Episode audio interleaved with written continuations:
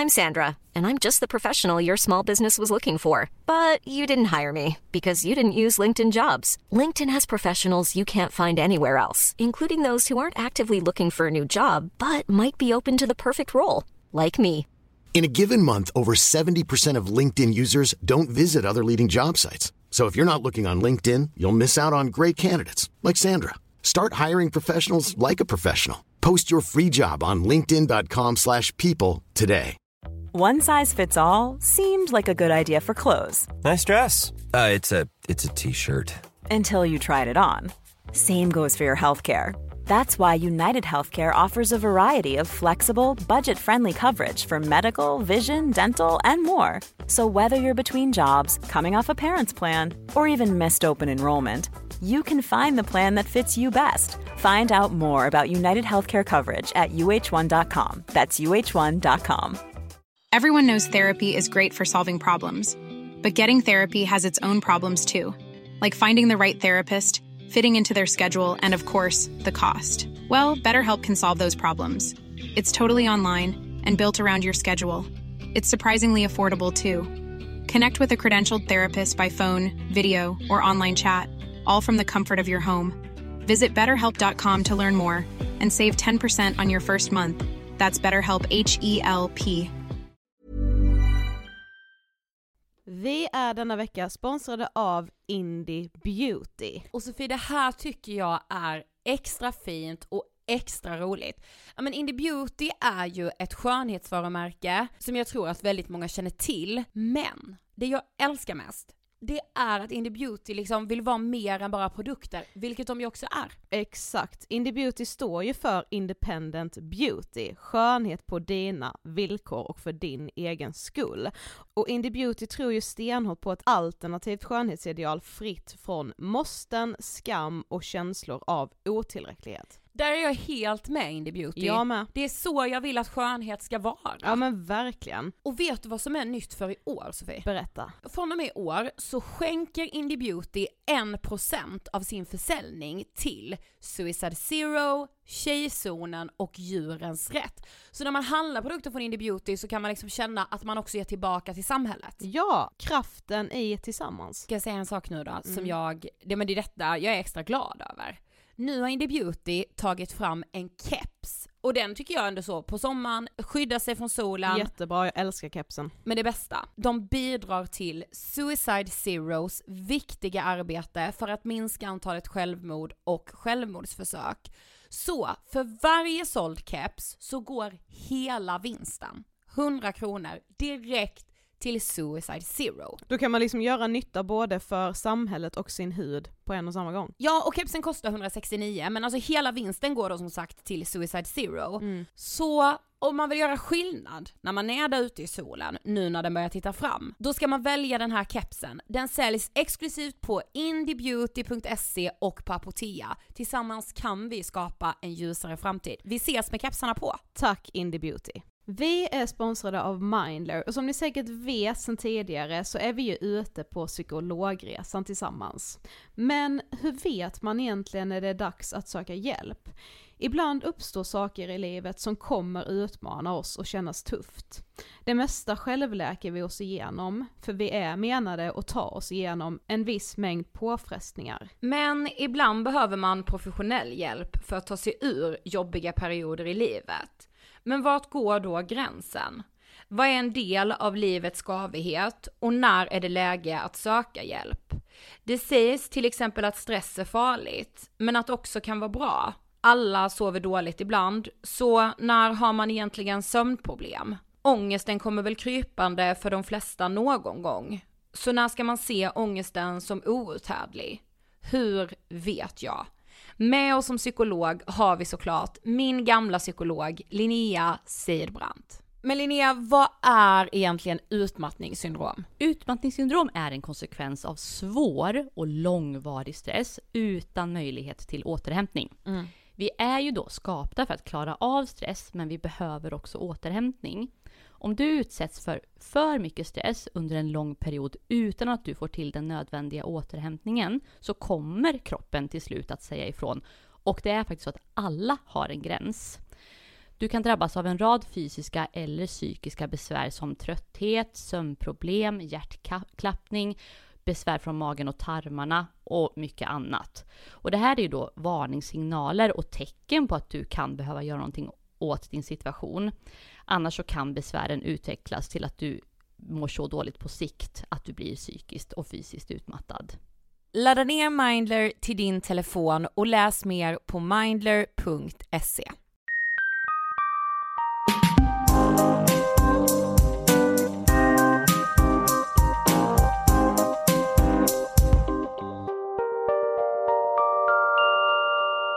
Hej allihopa och hjärtligt välkomna till avsnitt 1, 2, 8 av Ångestpodden! Hej, välkomna och eh, tänker du på så här Kenorad Sofie? Nej, jag tänker på att du sa förra veckan att vi har startat alla poddar likadant och det här var det mest kreativa jag kunde komma på. Jaha, nej jag tänkte att du typ så här tänkte Kenorad för att vi precis landade i vår lägenhet efter att vi har varit på Gotland och Almedalsveckan. och så hade jag sagt etta, tvåa, åtta. Okej, okay. men vad, alltså, så vi är seriöst, vad känner du om Almedalen? Eh... Alltså ni ska veta, vi sitter liksom hemma och poddar just nu och eh, det brukar vi inte göra, vi sitter ju alltid i studio, men vi kom liksom från Almedalen precis och detta släpps ju imorgon.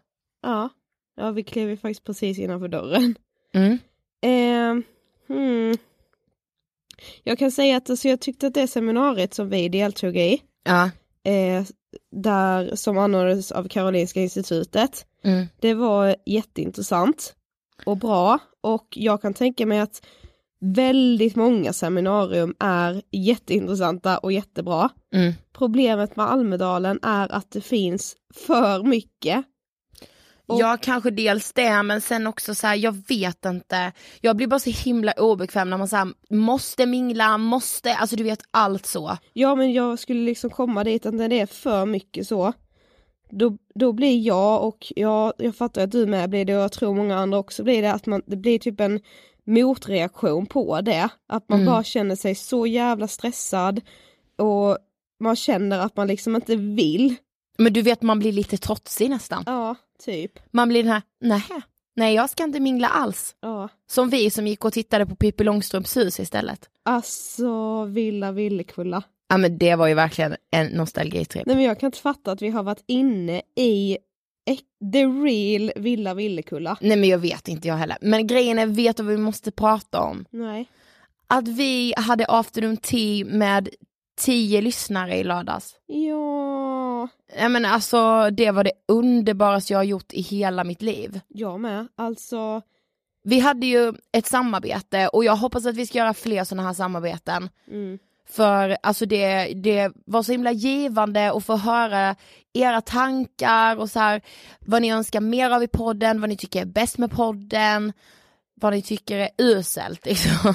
Ja, och det är fortfarande lika sjukt att få ansikten på personer som man förut inte har haft någon koppling till överhuvudtaget. Ja men precis, och ja men det tänker jag med på alla ni som har kommit fram till oss i Almedalen, alltså att få liksom ansikten på er. Ja. Är det underbart. Underbart. Men tack vare Almedalen så har ju vi politiker special. Jajamän. Förra veckan var det alltså Filip från SSU och den här veckan är det dags för Benjamin Dosa från MUF. Alltså Moderata ungdomsförbundet och det är viktigt att säga eh, att vi är helt opolitiska i båda de här avsnitten. Men vi har bjudit in SSU och MUF för att det är de två största ungdomsförbunden i Sverige. Ja det har vi ju och vi känner så här, det är viktigt att prata med politiker om de här frågorna och mm. extra spännande på något sätt, i alla fall har ju vi känt det, att prata med ungdomsförbunden eftersom att det är allt fler unga som mår dåligt. Det här sa vi förra veckan också. Mm. Men alltså jag tyckte vi hade det så trevligt med Benjamin. Jag med. Alltså vi hade ju inte träffat honom innan. Nej han är ju relativt ny ordförande. Ja exakt men eh, det gör han med bravur. Jag tror inte vi ska prata så mycket mer. Nej. Jag känner att eh, nu är vi redo. Yes. Så nu rullar vi intervjun med Benjamin Dosa från MUF. Varsågoda.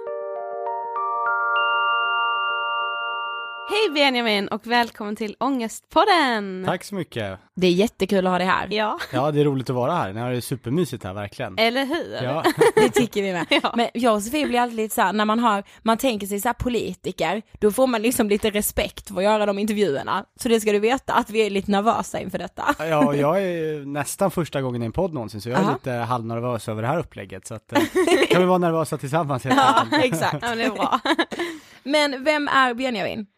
Benjamin är förbundsordförande för Moderata ungdomsförbundet. Det har jag varit i drygt ett halvår. Eh, så att, eh, ja, det, det är jag. Uppvuxen utanför Stockholm, i Kista. Eh, tycker att frågor som jobb, integration är, är de som driver mig mest. Men det handlar ju såklart även mycket om psykisk ohälsa och vårdfrågor generellt så. Sitter också i Stockholms läns landsting, så att där handlar det ju väldigt mycket om den typen av frågor. Mm. Eh, vad tänker du på när du hör ordet ångest? Ångest, ja, det är för mig, jag har ju haft en eh, väldigt närstående familjemedlem som ofta drabbades eh, och drabbas fortfarande av panikångestattacker. Så, så för mig innebär det att, eh, ja, verkligen påverkar livsstilen, att ja, att man måste ställa in möten, att man kanske inte kan gå till jobbet, att ställa in resor för att ja, ta hand om, eh, om den närstående. Så eh, för mig som har stått på sidan om men ändå väldigt nära så innebär det eh, ja, helt enkelt att, att ja, då vet jag, nu är det dags, nu måste jag ställa upp helt enkelt. Mm. Ja, alltså du är ju som sagt ordförande för en av Sveriges största ungdomsförbund. Eh, och vi tänkte så här, vi vill såklart prata politik, men först vill vi prata lite om dig. Eh, och vi ställde den här frågan till Filip också, men vem var Benjamin 15 år? Benjamin, 15 år, eh, var en, en eh, obstinat höll jag på att säga, men, men, men lite halv, halvgalen, eh, ivrig, väldigt så taggad, tyckte mycket om allt helt enkelt. Och jag gick ju med i MUF i, i den vevan faktiskt, 2007 blev jag medlem, då gick jag i åttan i grundskolan. Eh, hade hyfsat nyligen slutat med, med fotboll, så jag hade ganska mycket tid. Jag la det mest på Fifa och andra tv-spel, så då, då fanns det tid över att helt enkelt tycka saker. Och eh, jag har ju aldrig varit eh, så här partipolitiskt engagerad på något sätt och min, min släkt så är väl absolut, vi tycker saker politiskt. Morfar flydde från kommunistkontrollerade Tjeckien så att vi har väl alltid varit, vad ska man säga, allians på högerkanten så. Men Mhm. mamma har nästan alltid röstat på Folkpartiet. Eh, Så jag röstade på Folkpartiet i skolvalet eh, 2006 eh, och eh, mer än så var det helt enkelt inte. Mm. Men sen kommer jag ihåg att jag eh, i, i åttan då, återigen den här lite halvgalna Benjamin, tyckte att det var djupt orättvist att jag var tvungen att läsa bild. Kursen bild och ni vet så här, alla ämnen man har lärt sig, svenska och engelska och, och idrott så här, eh, man blir ju bättre för varje år. Mm. Så man, man, eh, ja, tittar man på gamla, eh, ja, inlämningar man har gjort eller, eller prov eller så, så ser man ju, okej, men jag, jag var ändå bättre på matte i, i femman än i trean, även om jag tycker det är svårt, till exempel. Det sker ändå en utveckling. Exakt, förutom Benjamin i bild. Alltså jag oh tittar... God, det- är så skönt att säga det för det är samma för mig. Ja, jag har äntligen hittat någonting. ja, ja, ja, ja, exakt samma för mig. Ja. Ja, det är liksom samma gamla streckgubbar i, med liksom konstiga former. Gud, ja. Från liksom förskolan till, till, eh, till stå och idag för den delen. Eh, så att jag tyckte det här var djupt orättvist att så här, varför har någon politiker, varför har någon bestämt att jag måste läsa bild? Varför kan jag inte få läsa ämnen som jag tycker är kul, som jag tycker är givande, som jag kommer ha nytta av i, i livet så? Um, och det här var ju liksom den, verkligen den, den stora frågan och det, det gick jag runt och gjorde det tydligt för både rektor och lärare och, och andra elever vad jag tyckte det här. Uh, men som sagt, ingen tanke alls på att det det just skulle bli Moderaterna eller MUF eller så. Och så hade jag faktiskt en eh, nära vän till mig och hon i sin tur hade en vän som eh, gick på en annan skola som precis hade haft besök av, av MUF, där MUF vid det tillfället 2007 drev en kampanj som hette Fria ämnesval. Eh, och hon tipsade det så här, men du borde ju gå med i MUF. Och jag var så här, vad är MUF för någonting? så bara, nej men det är Moderaterna fast de yngre så. Eh, och jag tänkte så här, Moderaterna fast de yngre, så här, jag är ju folkpartist, så här, det röstade jag ju på för ett år sedan och det är ju konstigt. Och politik, det är ju bara för gamla gubbar så. Eh, jag kan ingenting om politik. Mm. Eh, hon var så här, nej men det här, alltså du tycker saker, du bråkar med, med rektor, du bråkar med lärare om att du inte ska behöva läsa bild. Så här, du måste ju verkligen engagera dig, det här är ju helt rätt för dig. Och då, givet att jag hade slutat med fotboll, så helt enkelt gick jag hem, googlade vad MUF var för någonting, eh, och så bara, ja, kanske så här, det här vore ju någonting. Eh, och kände ändå så här, fast jag är ju ändå folkpartist här, mamma är det och, och jag röstade på det i, i skolvalet så här. Mm. Så att jag började läsa på om de andra, jag visste ju att jag var liksom allians och borgerlig så. Ja. Så jag läste på snabbt, SUF och KDU försvann väldigt snabbt. Mm. Eh, men LUF och MUF var, var kvar och valde faktiskt LUF. Utan så här, det här hade lite fräschare hemsida och jag, jag känner mig inte alls konservativ, jag är ju liberal och det är jag fortfarande. Mm. Eh, och MUF var så här liberal konservatism, så här, vad är det för konstigt? Eh, jag, jag är liberal och li- Liberala ungdomsbundet, det, är, så här, det verkar för mig, jag kunde inte så mycket om sakfrågor då heller. Så att, så här, magkänslan var så här, det här kändes rätt. Mm. Ehm, väljer LUF, ska precis bli medlem och så står det så här, kom ihåg att du även blir medlem i Folkpartiet. Och då fick jag någon så här, ah, jag kanske ska dubbelkolla det här. Så här, jag kan ju ingenting om politik. Alltså jag kan verkligen ingenting. Eh, så då googlade jag Folkpartiet och så här, ah, jag tycker ju inte allt som står här. Så, och jag stod ju ändå och vägde muff och luff, så här, jag kanske ska kolla vad Moderaterna tycker. Eh, och läste på Moderaterna och, och bara så här, nej men ja, jag tycker nog det här. Och, och det var framförallt, jag kommer ihåg det som jag, jag kände, så här, i ärlighetens namn, både Liberalerna idag och Moderaterna står ju väldigt nära varandra i, Mm. i väldigt mycket, skatter och skola och så. Men det som fick mig att vid det tillfället just liksom vältra över till Moderaterna, det var liksom brottspolitiken. Eh, och jag kommer ihåg, jag tyckte det var, eh, jag menar, där, där jag bor i, i Kista, det sker väldigt mycket våldsbrott och jag tycker att det är viktigt att så här, ja, begår man grova våldsbrott eller sexualbrott, ja, då ska man få tunga straff också. Eh, och då stod det så här, ja, den konservativa ådran i Moderaterna innebär, ja, det. Så då Mm. kände jag så här, ja, men jag, så här, det här, det här kanske är, jag höll helt enkelt med mer som stod på Moderaternas hemsida än på Folkpartiets. Och då blev jag medlem, skickade samma minut ett mejl till dåvarande förbundsordförande och så här, hej jag heter Benjamin, jag går i åttan och eh, jag vill avskaffa bild, typ så här. Hur engagerar jag mig? Just det, det var det där med bilden. Ja, det var det där med bilden. Det är sjukt kul story måste Ja. jag Ja, säga. verkligen. Men det, det, det sjuka, det, det, det, det, är så här, det, spårade, det spårar ur sen, för att jag får, jag får inte ett svar på dygn. Och jag och Benjamin, som då har slutat med fotboll och verkligen så här, nu ska jag ju ta bort bild, det är liksom Ja, mitt det- till världen. Så jag, jag skickade ett nytt mejl till honom ett dygn senare och bara, hej, jag vet inte om du såg mitt första men jag heter Benjamin, jag är 15 år gammal och jag vill gärna engagera mig. och så fortsätter jag skicka mejl och skicka mejl och det går två veckor. och- Alltså det, Han det, bara, vad är det här för galning? Ja, exakt. Och jag började skicka till flera så här, MUF Stockholm, får inget svar där. Eh, och sen till slut efter två veckor, någon annan hade ju gett sig då så här, okej uppenbarligen den här organisationen vill ju inte att jag ska engagera mig. Men efter två veckor fick jag tag på en lokalföreningsordförande och då, då tog det fart. Då tog det fart. Och här sitter vi Och nu. här sitter vi nu. Ja, exakt. Men du är ju som sagt född och uppvuxen i Kista. Mm. Men hur var det?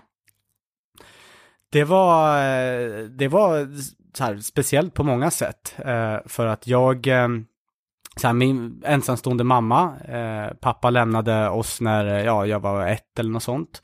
Så jag har aldrig haft någon riktig relation till honom.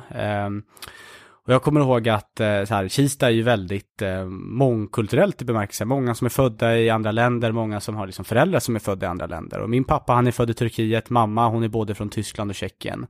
Eh, och hela den eh, så här, identitetsfrågan frågan blev väldigt viktig. Så här, är jag svensk, är jag turk, är jag tjeck, är jag, är jag tysk? Mm. Eh, när, när är jag vad egentligen? Och också, jag bytte ju skola när jag gick i trean. Eh, för att som sagt, jag, jag är född i Sverige, mamma är född i Sverige, även om mina, min mormor och morfar är födda i andra länder. Men eh, mamma i trean, så här, Benjamin kan inte flytande svenska. Så här, jag, jag bröt eh, och eh, jag, jag kunde inte prata helt flytande svenska utan att eh, eh, eh, ja, tänka efter på vilka ord jag skulle använda så. Eh, och då fick mamma till slut nog, eh, trots att, och så här, hon tog upp det med rektorn massa gånger och det var ju, jag hade ju tur som hade en så engagerad mamma. Mm. Och det de hela tiden hänvisade till, det var så här, ja men relativt de andra, relativt de som är helt nyanlända så kan ju Benjamin jättebra svenska. Och, och mamma var ju så här, ja men relativt hans kusiner som är lika gamla så kan ju inte Benjamin ett skvatt, det är ju liksom katastrof det här.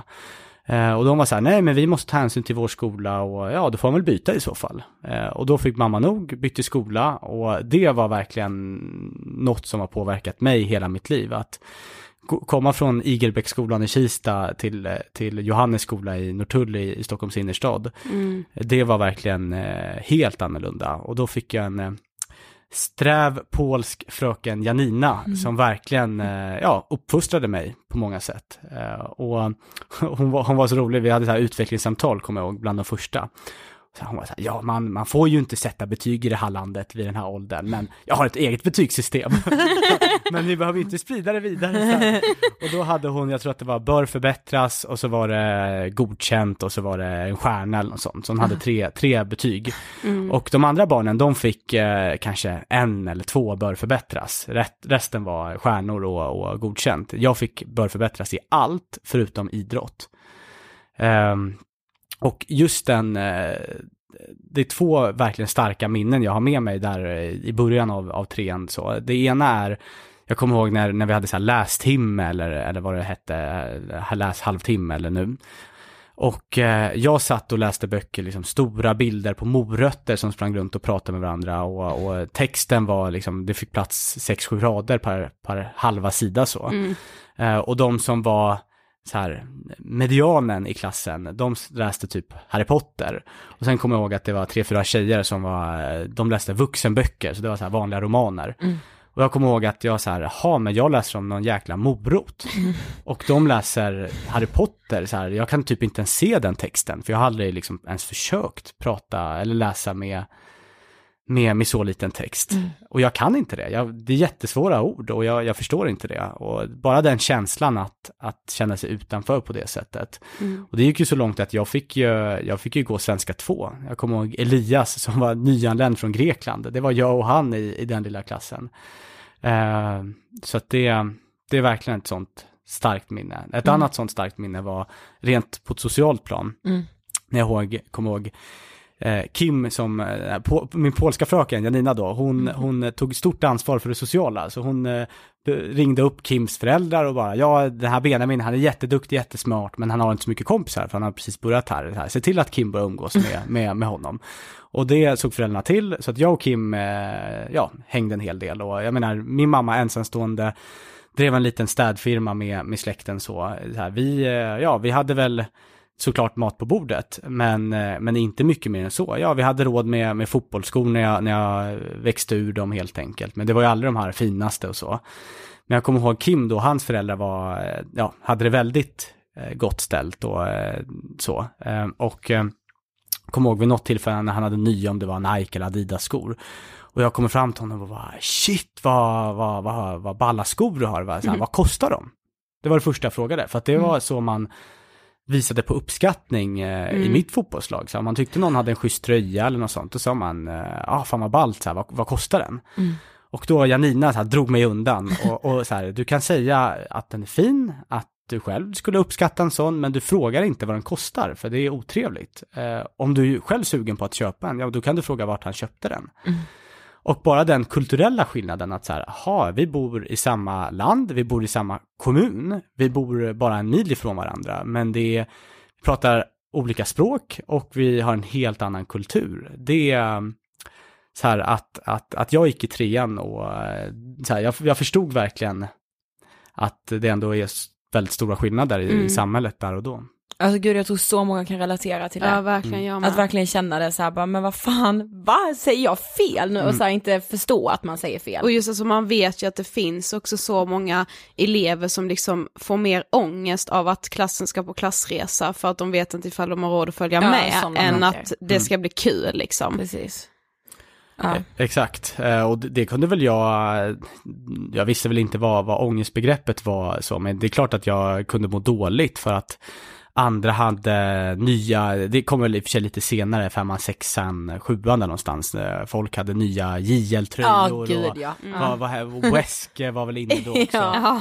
Och eh, de här jeansen som kostade typ 3-4 tusen, Ja. det var någon streck som gick över rumpan. Och Ja var så. just det, just det. Ja. Och det fanns ju inte på kartan. Mm. Alltså det, det var ju, och det, här, det skulle inte ens jag ta upp för att jag visste att så här, mamma, hon köpte knappt kläder till sig själv för att jag skulle ha, ha jeans utan hål i dem. Mm. Eh, Att då fråga, ja men mamma, jag vill ha, ha en, ett par jeans för 3000 spänn, det är vad vi lägger på en resa. Mm. Eh, och det är klart att eh, det innebar ju också funderingar. Okej, men kommer jag, jag kommer ihåg särskilt när jag skulle börja på vad blir det, högstadiet. Mm. Så här, kommer jag, för då fortsatte jag på en skola på Östermalm. Mhm. Då var det verkligen så här, kommer jag passa in här och eh, kommer folk ha helt andra kläder och kommer de prata med mig trots att jag inte har samma kläder som de har. Mm.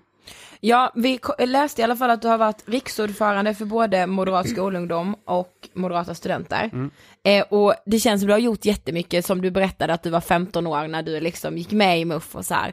Eh, det känns också som att folk som, eller vi har den bilden, att folk som, ja men gör väldigt mycket, engagerar sig mycket, att man, att det kan ligga någon slags prestationsångest bakom eller någon så här vilja att alltid vilja prestera allt perfekt. Har du mycket prestationsångest? Jag skulle säga att jag hade det i tidigare uppdrag, Mm. särskilt, eh, vi har ju så här, politiska ungdomsförbund är egentligen helt eh, galna organisationer där man eh, i, i väldigt unga dagar försätter människor i väldigt, liksom, en tuff och utsatt situation Mm. med väldigt mycket press på sig. Alltså när jag var riksordförande för MSU, ja då hade man en budget på flera hundratusen, man hade en organisation på 8000, 9000 medlemmar och vad var jag då? Typ 18 eller 19. eh, och då kände jag att allt, allt som jag gjorde skulle vara perfekt. Eh, och ofta är det ju den sista 5 eller 10 procenten som man eh, liksom ägnar mest engagemang och, och eh, ja, får ångest kring. Medan, ja men bara 90% kan ju vara superbra om man levererar det hela tiden. Mm. Och det känner jag att erfarenheterna från både då Moderat skolungdom och Moderat studenter har verkligen hjälpt mig i mitt uppdrag nu. Där jag känner så här, ja, nej, men det, det blev inte precis på varje liten punkt som jag hade tänkt det, men det blev tillräckligt bra. Mm. Så. Eh, hade jag inte haft de erfarenheterna så hade jag nog eh, definitivt eh, ja, haft mycket mer ångest och, och så. Sen är ju mitt problem nu, som jag inte hade på samma sätt då, det är ju att det är ju mycket. Mm. Alltså det är mycket, mycket mer. Så att även om jag bara presterar 85, 90, 95 procent så är det ju det hela, hela tiden. Så det jag snarare är stressad över nu, det är att så här, oavsett vad jag gör så kommer jag inte över ytan. Mm. Alltså jag kan simma, simma, slita, slita, även om jag bara accepterar, ja det blir bara 85 procent, så kommer jag ändå inte över ytan. Mm. Eh, och att bara ha den känslan att så här, jag kan göra vad som helst, jag kan sitta dagar och bara slita, skriva artiklar, svara på mail, så, så kommer det alltid vara någon som blir besviken och som inte tycker att jag presterar. Mm. Men hur gör du för att hantera den? Det, det måste ju vara en inre stress som man känner hela tiden. Hur gör du för att hantera den?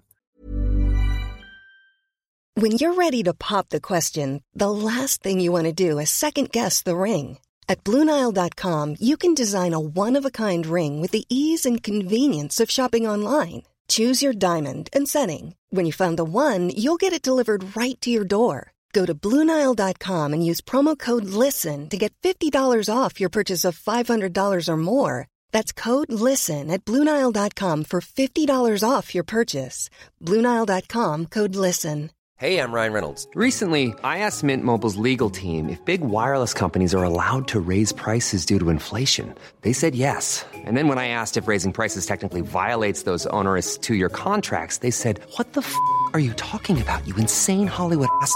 F- So to recap, we're cutting the price of Mint Unlimited from $30 a month to just $15 a month. Give it a try at mintmobile.com slash switch. $45 upfront for three months plus taxes and fees. Promo rate for new customers for limited time. Unlimited more than 40 gigabytes per month. Slows. Full terms at mintmobile.com. Life is full of awesome what ifs, and some not so much, like unexpected medical costs. That's why United Healthcare provides Health Protector Guard fixed indemnity insurance plans to supplement your primary plan and help manage out of pocket costs. Learn more at uh1.com. Nej, men delvis eh, pratar jag mycket med, med, med folk, särskilt min flickvän. Så att eh, henne försöker jag liksom, vad ska man säga, avlasta mig själv hos. Och Mm. hon avlastar väl sig själv också när, när hon har det mycket. Eh, men också intala mig själv i att eh, ja, det, det går inte. Alltså jag är Mm. ingen övermänniska, utan eh, ja, då får väl folk eh, bli frustrerade. Och våga vara ärlig mot dem också. Att Mm. sorry, jag kan inte komma på den här kampanjen eller ställa upp i den här debatten för att jag har, jag har så jättemycket annat. Och ofta när man säger det så accepterar folk det. Ja, är så det är här- ju inte så att Det man det. bara, fy fan vad dåligt. Nej, exakt, exakt. Men man är ju, det är ju det man är rädd Ja, för, man det det tänker man- att någon ska säga det liksom. Ja. Mm. Jag, jag kommer ihåg särskilt när jag var, när jag var nyvald förbundsordförande, då kunde Mm. det vara så att man var, vad ska man säga, fysiskt sjuk. Eh, och ja men så här, ni vet, man är krasslig, man kanske har ont i magen eller ont i huvudet så. Mm. Nu skulle jag nog bara, nej men nu behöver jag, nu känner jag på kroppen att nu behöver jag en dag som, som jag bara har det ledigt. Ja. Och som var, att, förbu- att vara förbundsordförande, det innebär ju att man jobbar liksom dygnet runt, man får samtal hela tiden, helger. Jag kommer ihåg att jag, nu långhelgen, det var den första helgen på typ två månader som jag var ledig. Ehm, och eh, att bara då ta en dag, så här, nu ska jag bara spela tv-spel, kolla på Netflix, eh, promenera, umgås med nära och kära, Mm. eh, kan göra så mycket. Men då när jag var nyvald, jag gick ju dessutom igenom en, en personstrid, då kunde det vara så här, nej men om jag inte ändå tar det här, då, då kommer jag bli avsatt på kvällen liksom. Eh, så då fick man ju, ja, det, det funkade ju några månader, men sen kände man så här, jag klarar inte det här, kroppen Nej. klarar inte det här. Nej, precis. Och det gör ingen liksom. Nej. Men vi har ju bjudit in både dig och Filip från SSU för att ni är de största ungdomsförbunden. Och vi har ju liksom, vår jättefråga är psykisk ohälsa och vi brinner ju verkligen för att få fler att våga engagera sig i de här frågorna. Men man hör hela tiden att psykisk ohälsa ökar, främst bland unga. Varför tror du att det ökar så mycket? Ja, det, det är jätte, jättesvår fråga. Så här, mitt ärliga svar är väl, jag har ingen aning. Eh, sen kan jag väl spekulera. Eh, och jag, om jag tillåter mig att göra det så skulle det väl kunna vara, ja, det nya mediala liksom, landskapet. Att eh, allt ska upp på, på Instagram och på Facebook och, och, och så, Snapchat så. Jag kan ju själv komma på mig, så här, jag kommer ihåg, eh, jag var på semester här ganska nyligen på Kap Verde att man kunde gå runt så här några minuter och nästan vara stressad över så här, nu så här, det är ett bra läge men jag har inte en bra instabild. Eh, och, så här, och så kommer man på sig själv och bara, är jag helt galen? Ja. Alltså jag är på semester, vem bryr sig om den här instabilden? Mm. Eh, och eh, att, att, och jag liksom kom på mig, mig själv där, men jag tror att många inte kommer på sig själv och liksom lever, jag får nästan känslan att folk lever liksom hela sina livsstilar efter hur ska jag, hur ska det här vara Instagram-anpassat? Ja, Så är det. Ehm, Och det fanns ju inte alls på samma sätt för 10, 20, 30 år sedan. Nej. Eh, så det, det tror jag är kanske den, den eh, här, största bidragande orsaken till det. Mm. Ja, men det är ju som vi alltid säger, och just det här med att det är så enkelt att liksom jämföra sig med alla andra. Ja, vilka nu alla andra Ja, är. det är den lilla skara man följer på Instagram och man tänker att det är hela världen.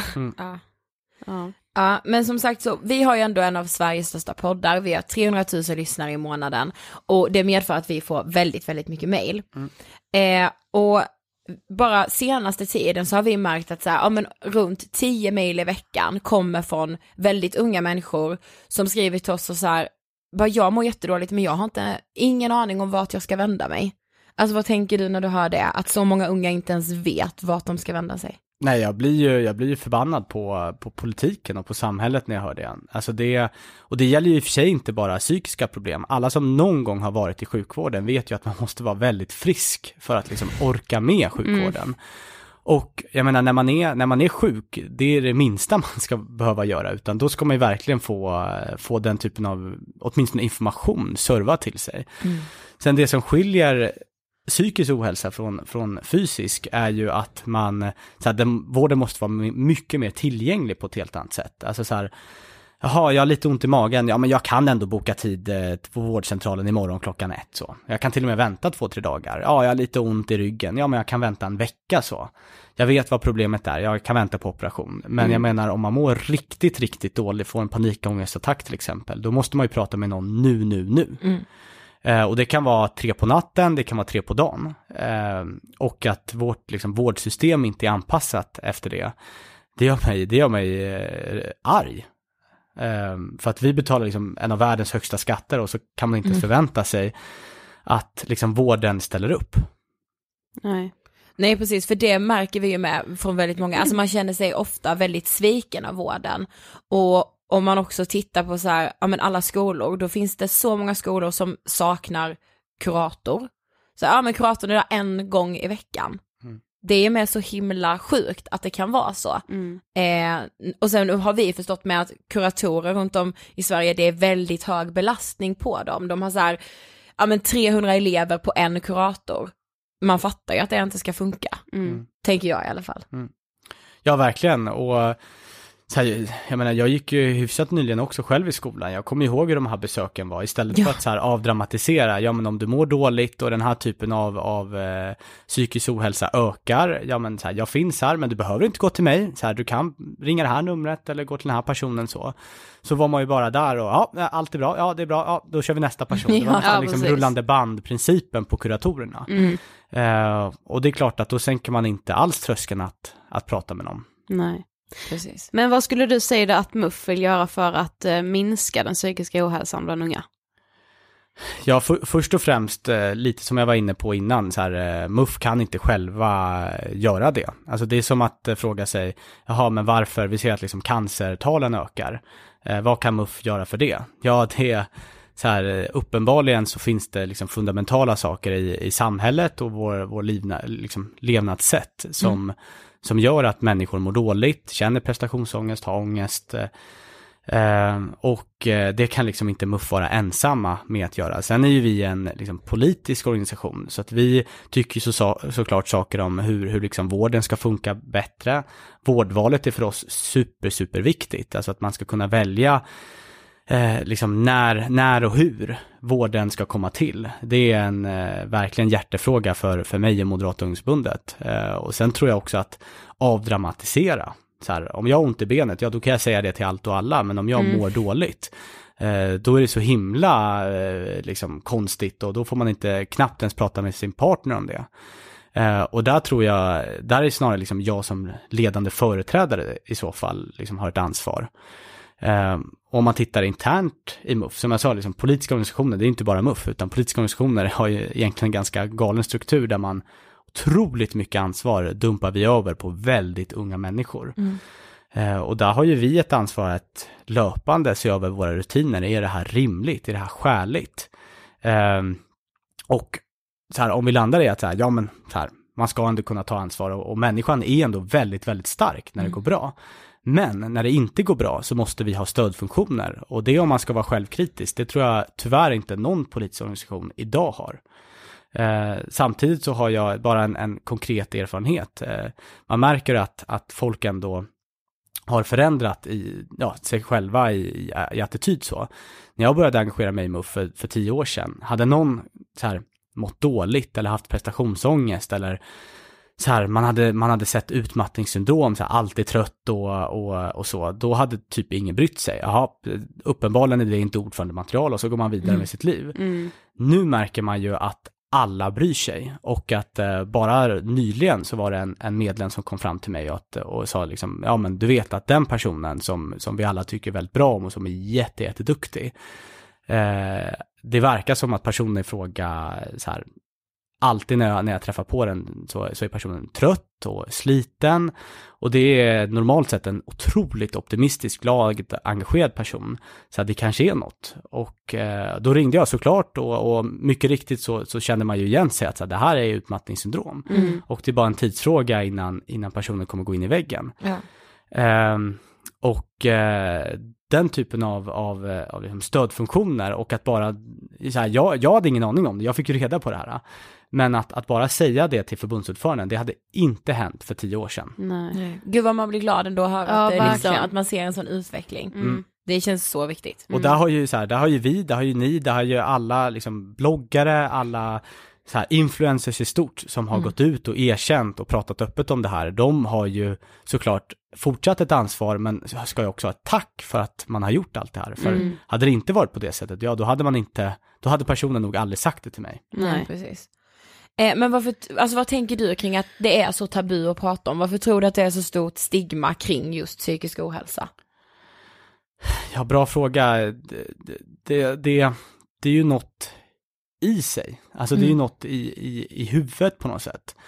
Är man skadad i, i benet, i kroppen, man har en sår, då kan man ju, då kan man ju se, ta på det och det, det är någon annans fel på något sätt. Ja. Här, jag har snubblat och det var markens fel på något sätt.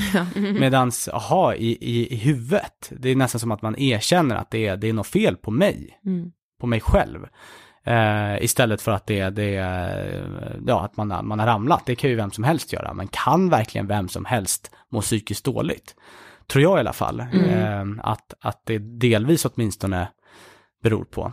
Mm. Ja det är så sant för det finns liksom inget att skylla på. Nej, precis. Nej, Ja. det har inte vi tänkt på innan. Nej, Men det är så inte. sant. Ja, det är verkligen sant. Men eh, vi tror ju som vi var inne lite på så här att sociala medier är en väldigt stor anledning till varför många mår dåligt för det är så lätt att jämföra sig med alla andra och så här, den yngre generationen är så starkt präglade av liksom det här starka idealet som syns överallt.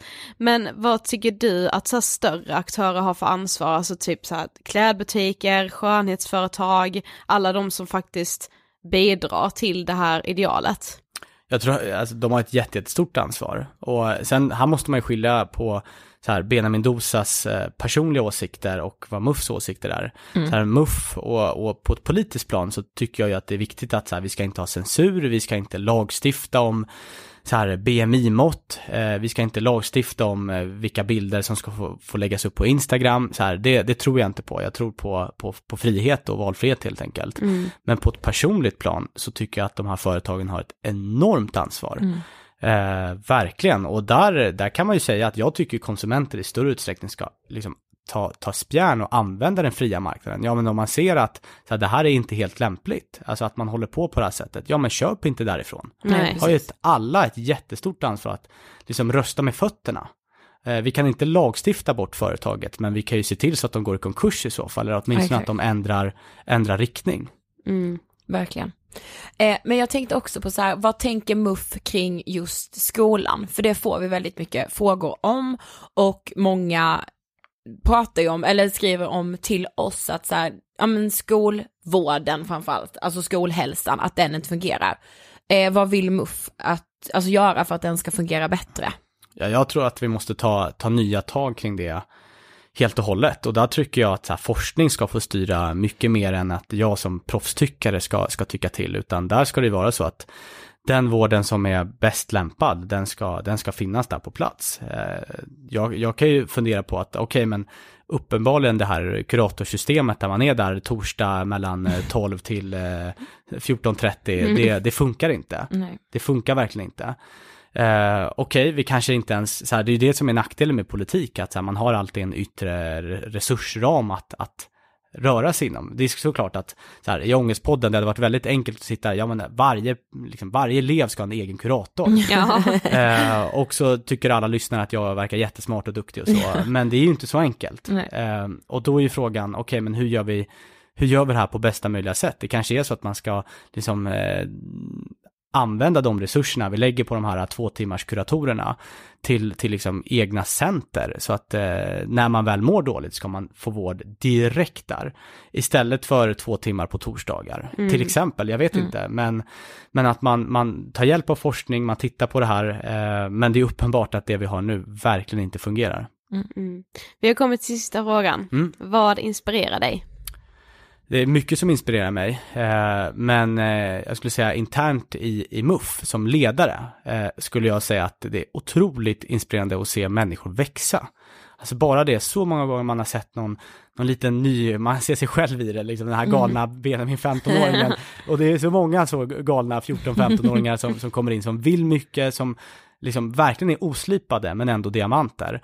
Och komma in och, och se dem från start så här, börjar liksom få ett politiskt tyckande brett, eh, liksom ideologiska ryggraden eh, mejslas fram, eh, retoriskt våga ta för sig, eh, debattteknikmässigt, eh, politiskt så. Det är otroligt inspirerande att, att se liksom så unga människor eh, verkligen, verkligen växa, se den kurvan. Eh, det tycker jag som, som ordförande och ledare tycker jag det är väldigt inspirerande. Det förstår jag. Ja, verkligen. Tack snälla för att du ville gästa Ångestpodden. Ja, tack för att jag fick komma hit, jättekul. Där var det. Mm. Och alltså, jag vet inte varför jag vill säga det hela tiden Sofie, men för att ingen ska missa är vi helt opartiska. Jag tycker att det Benjamin säger om så här att ja men om du har trillat på gatan och fått skrubbsår, Mm. då är det asfaltens fel. Ja.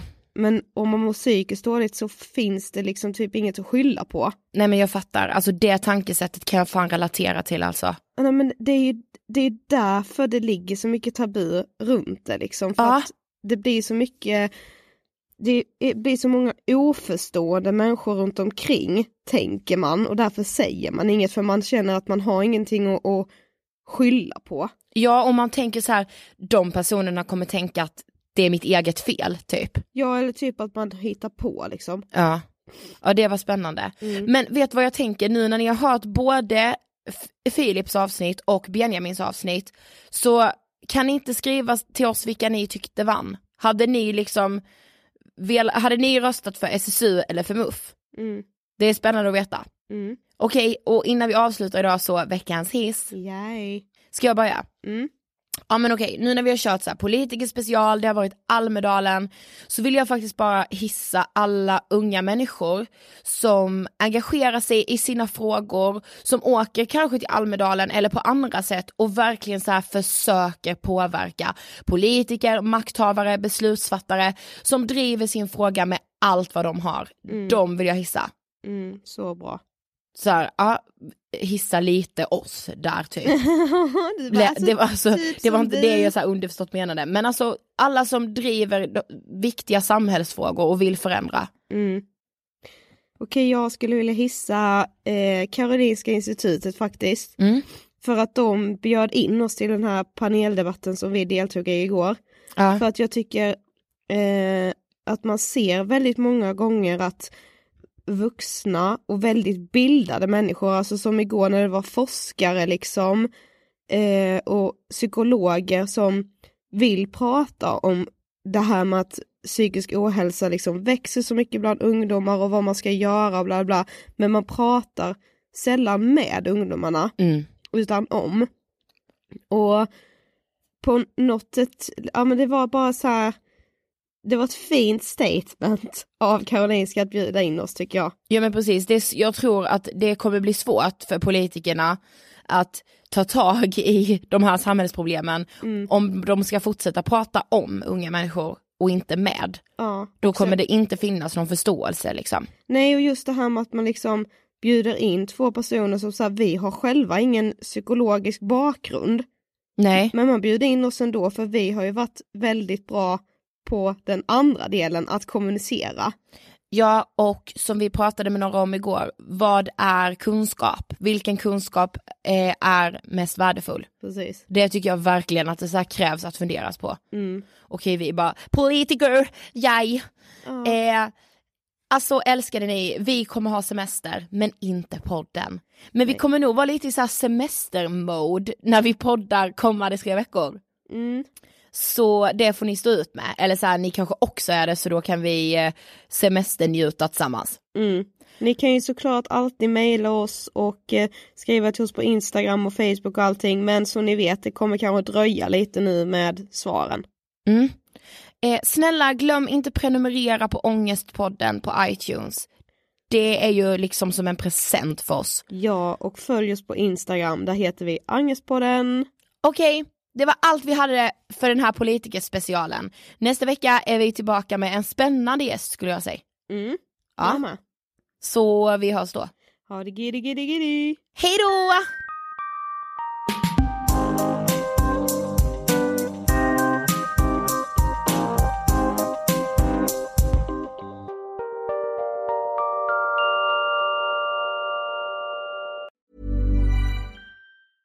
Mom deserves the best, and there's no better place to shop for Mother's Day than Whole Foods Market. They're your destination for unbeatable savings, from premium gifts to show-stopping flowers and irresistible desserts. Start by saving 33% with Prime on all body care and candles. Then get a 15-stem bunch of tulips for just $9.99 each with Prime. Round out Mom's menu with festive rosé, irresistible berry chantilly cake, and more special treats. Come celebrate Mother's Day at Whole Foods Market. Planning for your next trip? Elevate your travel style with Quince. Quince has all the jet setting essentials you'll want for your next getaway, like European linen, premium luggage options, buttery soft Italian leather bags, and so much more. and is all priced at 50 to 80% less than similar brands. Plus, Quince only works with factories that use safe and ethical manufacturing practices.